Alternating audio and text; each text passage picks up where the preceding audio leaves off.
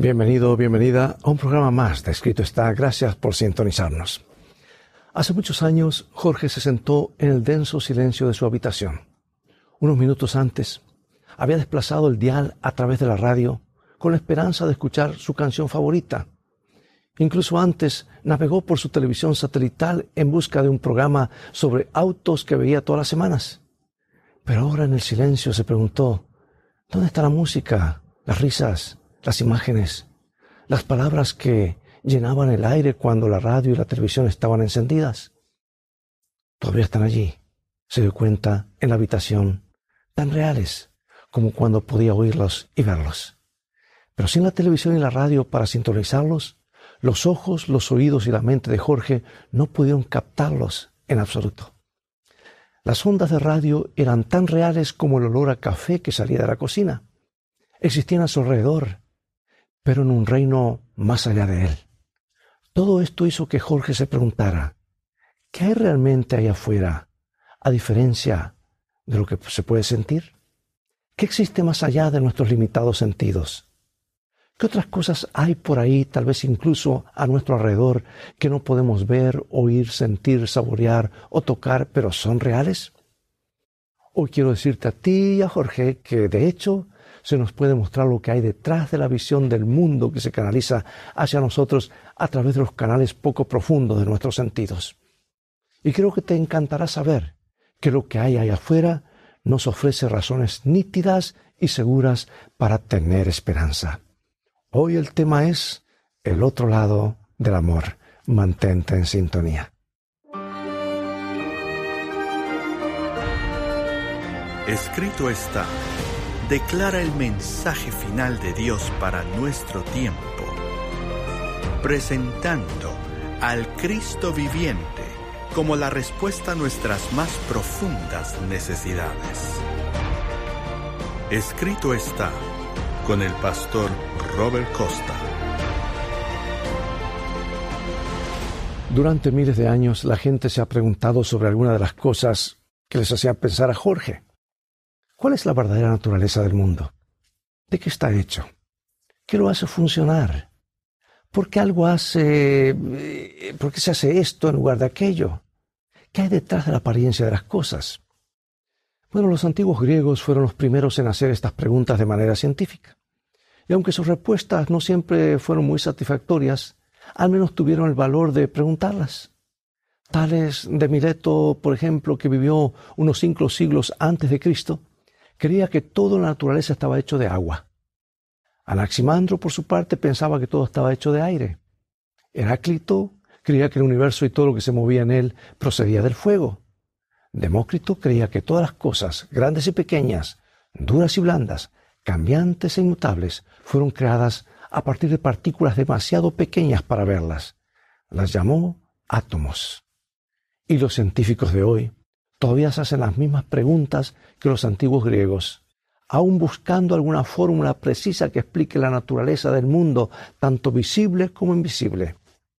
Y sin embargo, no creo que vayan a encontrarlo dividiendo más el átomo o mirando más profundamente el cielo con los modernos telescopios o conjurando alguna fórmula matemática en una pizarra, en la computadora o aún usando la inteligencia artificial. Ahora, eso no es porque no existe una explicación básica del mundo. Al contrario, creo que la hay. Pero no está escrito en números, no está escrito en ecuaciones o fórmulas matemáticas. Está escrito con sangre, la sangre de Cristo. Y lo que nos dice es esto. Se encuentra en tres palabras simples, cortas y poderosas.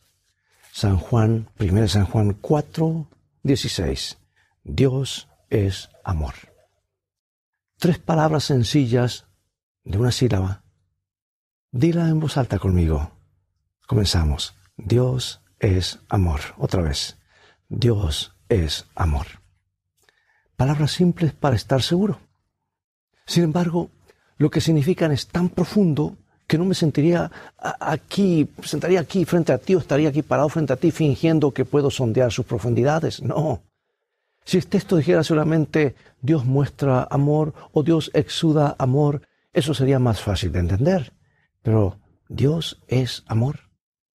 Y aunque no entiendo todo lo que significan esas palabras, puedo captar algo. Y lo que me dicen es que el Dios que adoro es un Dios amoroso. Me dicen que Él es un Dios bondadoso. Me dicen que lo que hace lo hace por amor. Me dicen que el amor es la fuerza impulsora detrás de nuestro universo. Ahora bien, esta idea de que Dios es amor también viene con algunos conceptos muy importantes para nosotros. Y hoy me gustaría compartir solo uno de ellos contigo. En el Evangelio de Mateo, un abogado se acerca a Jesús y le pregunta cuál es el mayor mandamiento de la ley. Ahora, para estos judíos religiosos, la ley era el fundamento de su vida religiosa. Y que alguien le preguntara a Jesús cuál era el mayor mandamiento de la ley era una pregunta muy seria. ¿Y cómo respondió el Señor? Lo encontramos registrado en San Mateo 22, 37. Jesús le dijo, amarás al Señor tu Dios con todo tu corazón y con toda tu alma y con toda tu mente. Este es el primero y grande mandamiento. Ya hemos visto que Dios es amor. Ya sea lo que sea que esto signifique, al menos significa que el amor es una característica primordial de Dios. Pero observa que Dios no solo ama, sino que también nos ordena que amemos. Y aquí está lo asombroso. El primer y, más, y mayor mandamiento es el único mandamiento que Dios no puede obligar, obligarnos a obedecer. Ahora, me gustaría que pensaras cuidadosamente sobre esto conmigo. Dios podría obligarte a no cometer adulterio, si así lo deseara. Dios podría obligarte a, no robar, si lo deseara. Dios podría obligarte a no mentir. Mira, Él podría programar nuestros cerebros para que no hiciéramos ninguna de esas cosas. Pero no pudo obligarnos a amarlo porque el amor para ser amor debe ser libre. En el momento en que se fuerza el amor deja de ser amor. ¿Puedes entender esto? Tal vez no, tal vez sí. El amor por su propia naturaleza, con amor, por su propia naturaleza, por ser amor, es algo que tiene que darse libremente o no puede darse en absoluto. Porque el amor forzado es una contradicción, una pura imposibilidad lógica. ¿Puede un círculo tener cuatro esquinas cuadradas? Por supuesto que no, porque en el momento en que tiene cuatro esquinas cuadradas ya no es un círculo. ¿Puede un triángulo ser redondo? Por supuesto que no, porque en el momento en que es redondo deja de ser un triángulo. Y finalmente, ¿se puede eh, coaccionar a forzar el amor? Por supuesto que no, porque en el momento en que es forzado, en el momento en que es coaccionado, ya no es amor. Entonces incluso Dios no puede obligar a nadie a amarlo. Puede crear un cielo nocturno lleno de estrellas, puede ponerle aletas a las ballenas, puede aplastar un poderoso ejército en un instante. Él puede hacer todas esas cosas y un número infinito más. Pero una cosa que no puede hacer es forzarte. Sentado ahí donde estás ahora mismo, o parado en tu coche, o en esa prisión, ahí mismo, Él no puede obligarte a amar, amarlo. Si amas a Dios, debes hacerlo libremente, o no hacerlo en absoluto. Piénsalo, amigo, amiga. Dios puede forzar a cada ser inteligente en el universo a temerle. Él puede obligar a todos los seres a obedecerle. Él puede obligar a, a todos los seres a adorarlo. Pero no puede obligar a nadie a amarlo. ¿Por qué? Porque en el momento en que el amor es forzado, es algo más que amor. Ya deja de ser amor. Un hombre estaba estudiando la Biblia con su hija pequeña. Un día le dijo a su hija que anhelaba verla elegir y servir amar al Señor. Ella lo miró con sus grandes ojos azules y le preguntó, papá, ¿me harías amar a Dios si pudieras? Se detuvo y miró fijamente a su preciosa hija y pensó, ¿haría que ella amara a Dios si pudiera? Y después de un momento de reflexión, levantó suavemente su cabeza y dijo, no, cariño, no te obligaría a amar a Dios porque no puedo. Ni siquiera quiero intentarlo porque entonces no sería amor. Este hombre, un teólogo, comprendió en ese momento como nunca antes por qué el amor a Dios tenía que darse libremente. Simplemente no hay otra manera. Y este es el punto crucial para comprender mucho acerca de nuestro mundo. Incluso el Señor Dios, al Señor Dios mismo, eh, Él no puede obligarte a amarlo. Ahora bien, si Dios es amor, si el amor impregna el universo, y si el primer y gran mandamiento es amar a Dios, entonces la libertad, la libertad moral, debe ser parte fundamental de la creación. Y lo que esto significa es que no podemos amar a Dios a menos que seamos libres de no amarlo. Para amar verdaderamente a Dios tenemos que tener la opción, la libertad de no amar a Dios. Ahora, esto parece una paradoja, ¿verdad? Sin embargo, si la única opción que tenemos es amar a Dios, si no hay otra opción, entonces realmente no podemos amarlo porque cuando el amor no se da libremente, no es realmente amor. Vamos a llevarlo a otro nivel. Un aspecto de la relación de amor entre dos personas es el conocimiento de que esta persona está contigo porque eligió estar contigo. Pasa tiempo contigo, hace cosas contigo, no solo porque elige hacerlo, sino porque quiere estar contigo. Pero esa relación perdería algo, algo grande, algo crucial, si supieras que la persona que está contigo solo porque se vio obligada a estar allí, ¿no es así? Por supuesto que sí, cambiarían las cosas. Porque eh, lo que sea que mantuvo eh, esa relación contigo, sea por lo que sea, pues entonces no fue amor. Un sirviente cocina la comida de su amo porque si no lo hace será despedido o despedida. Una esposa cocina la comida de su esposo porque lo ama. Ahora, es verdad, de cualquier manera el hombre obtiene su cena, ¿verdad? Pero la primera acción no es la clase de obediencia que Dios quiere. Él quiere que lo adoremos y obedezcamos por amor, no por miedo y coerción. Los ladrones de banco en la cárcel ya no roban bancos. Los malversadores tras las rejas ya no malversan los fondos de la empresa. Los ladrones de autos ya no roban autos. Ellos no están cometiendo esos delitos y tú y yo tampoco. Sin embargo, hay un mundo de diferencia entre por qué no cometen un delito y por qué no lo hacemos nosotros.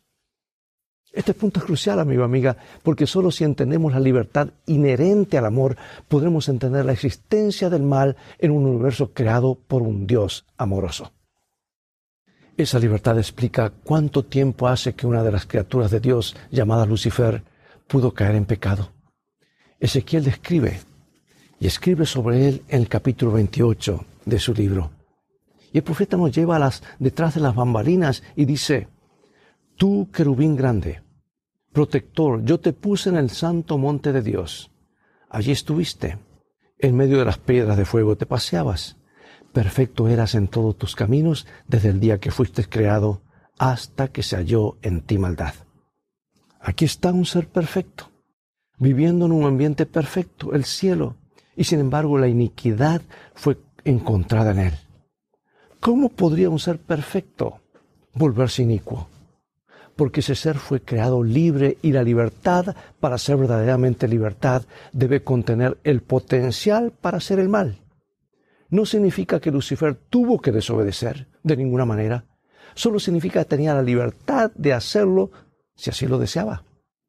De lo contrario, esa libertad sería una ilusión.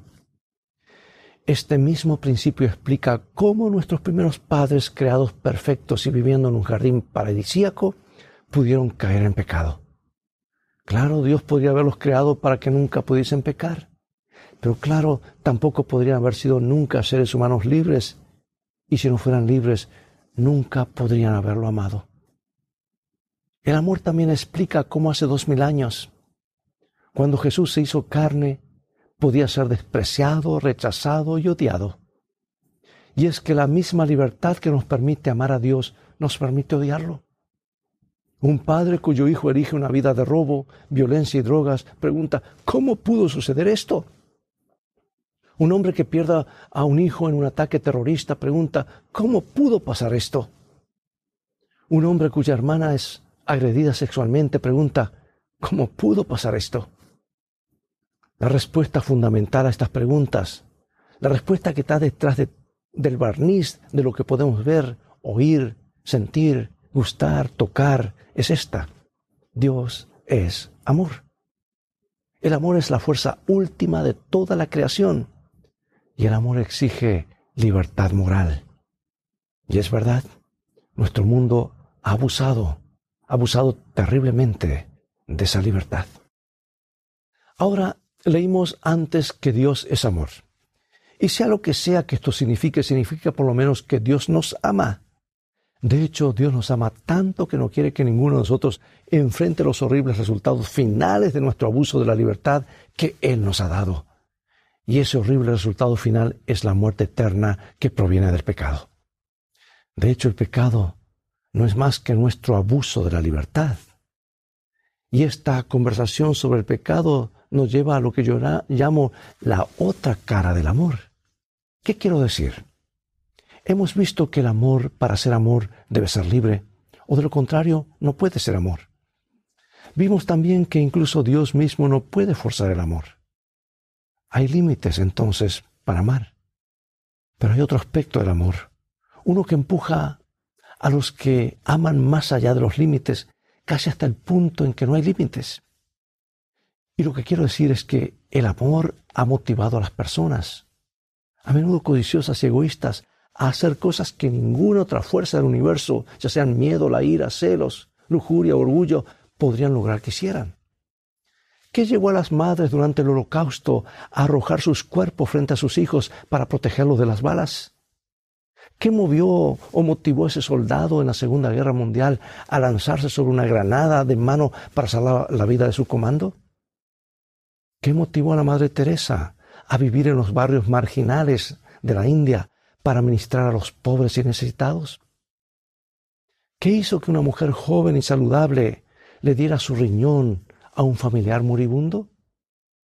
¿Qué motivó a una madre a arriesgarse a morir en lugar de, abortar a un niño en un embarazo peligroso? La respuesta a estos y muchos otros ejemplos como estos es la misma, es amor. Entonces, mi pregunta final para hoy es, si los humanos pecadores y errantes son capaces de mostrar tal desinterés y devoción, todo debido al amor, ¿Qué pasa con el Dios perfecto que es, en su esencia misma, amor? ¿A qué lo llevaría ese amor? Morir en la cruz. Eso es. Lo llevó a pagar en sí mismo la pena por nuestro abuso de la libertad que es inherente al amor. Dios no creó a los seres para encerrarlos en una prisión moral donde fueran forzados a cumplir sus órdenes. Por eso nos hizo libres. Y en lugar de quitarnos la libertad, tomó sobre sí mismo las consecuencias finales y el castigo de nuestra desobediencia, una desobediencia que nunca podría haber surgido si no hubiéramos sido libres desde el principio. Miremos ese famoso texto que se encuentra en San Juan. Seguro que lo conoces bien. Si lo haces, y si lo conoces, repítelo conmigo, San Juan 3:16. Comenzamos. Yo tengo la versión Reina Valera 1960, que era que quedó acuñada en mi mente. Juan 3:16. Porque de tal manera amó Dios al mundo, que ha dado a su Hijo unigénito, para que todo aquel que en él cree no se pierda, mas tenga vida eterna. Nota, fue el amor, el amor de Dios, lo que llevó Jesús a la cruz. Hay dos verbos que siempre se conjugan juntos, amar y dar. Fue el amor, el amor de Dios por nosotros, lo que hizo que Él muriera por nuestros pecados. Y fue el amor, ese mismo amor que se reveló en la cruz, el que nos da la esperanza de la vida eterna. Si Dios no nos amara, nos habría, no habría muerto por nosotros. Es así de simple. Estás ahora mismo, mientras hablo, experimentando la libertad moral inherente a este amor el amor que llevó a nuestro Señor al Calvario? En este momento tienes una lección, una lección similar a la que tuvo Lucifer en el cielo, a la que tuvieron nuestros primeros padres en el paraíso y a la que tuvieron los líderes de Israel durante la época de Cristo. Y aunque pueda parecer que todo tipo de, tienes todo tipo de lecciones, todo tipo de opciones, todo tipo de términos medios para entretenerte, Así es como parece y las apariencias pueden ser engañosas. ¿Amas a Dios o no lo amas? Y aquí es donde somos confrontados en usar nuestra libertad de elección.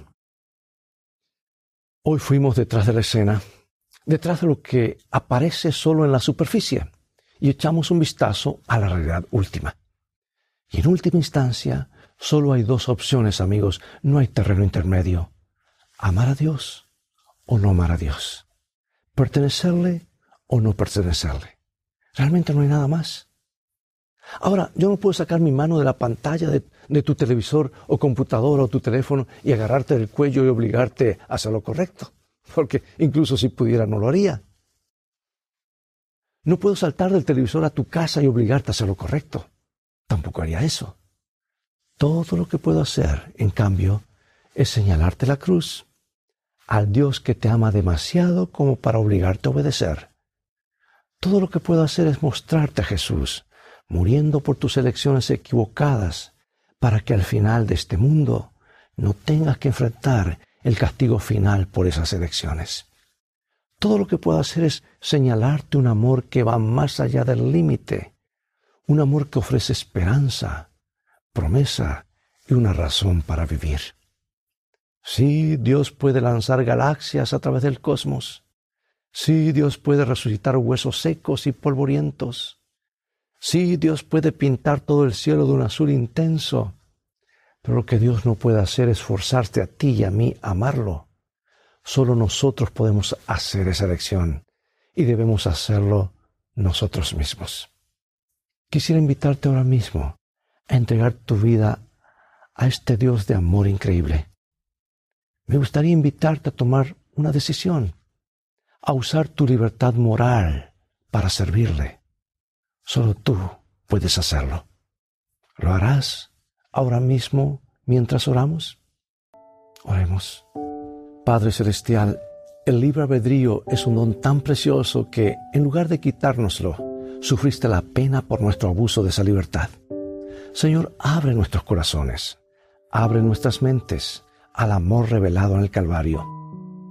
Y te ruego que luego nosotros, movidos por esa revelación de tu carácter misericordioso y perdonador, te demos todo lo que somos, en fe, en obediencia y en amor. En el nombre de Jesús oramos. Amén.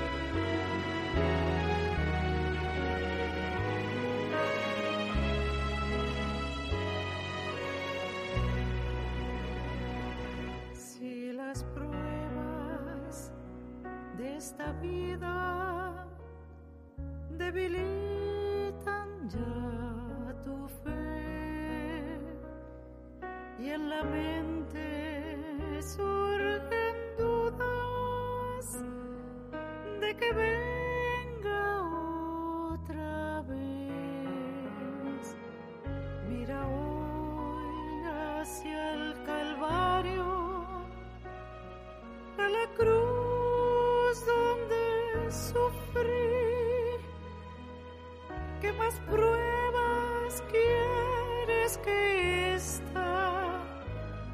Que te amé hasta morir. Aunque pienses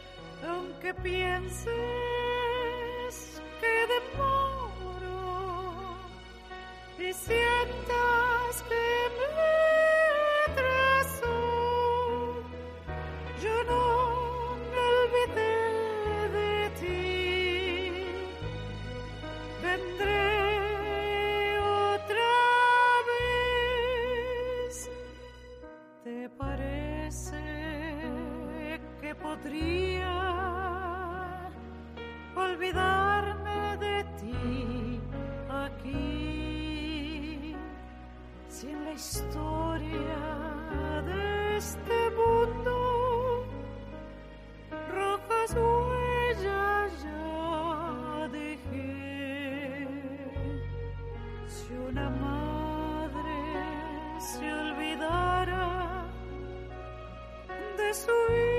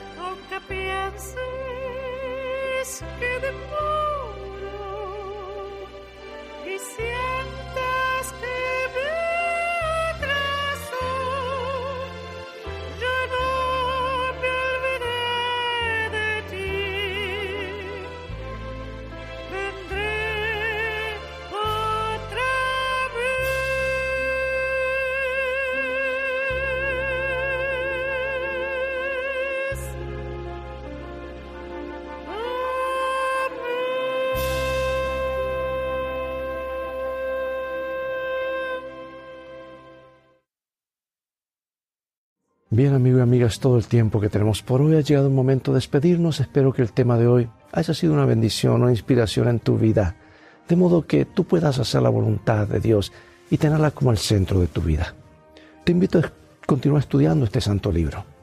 Y también visítanos en nuestro sitio de internet escritoestá.org. Allí podrás ver nuevamente este programa y obtener una variedad de materiales y estudios bíblicos, compartirlos con tus familiares y amigos y así transformarte en un canal de bendición para otros. Mientras tanto, Dios te bendiga y te guarde y recuerda, escrito está, no solo de pan vivirá el hombre, sino de toda palabra que sale de la boca de Dios.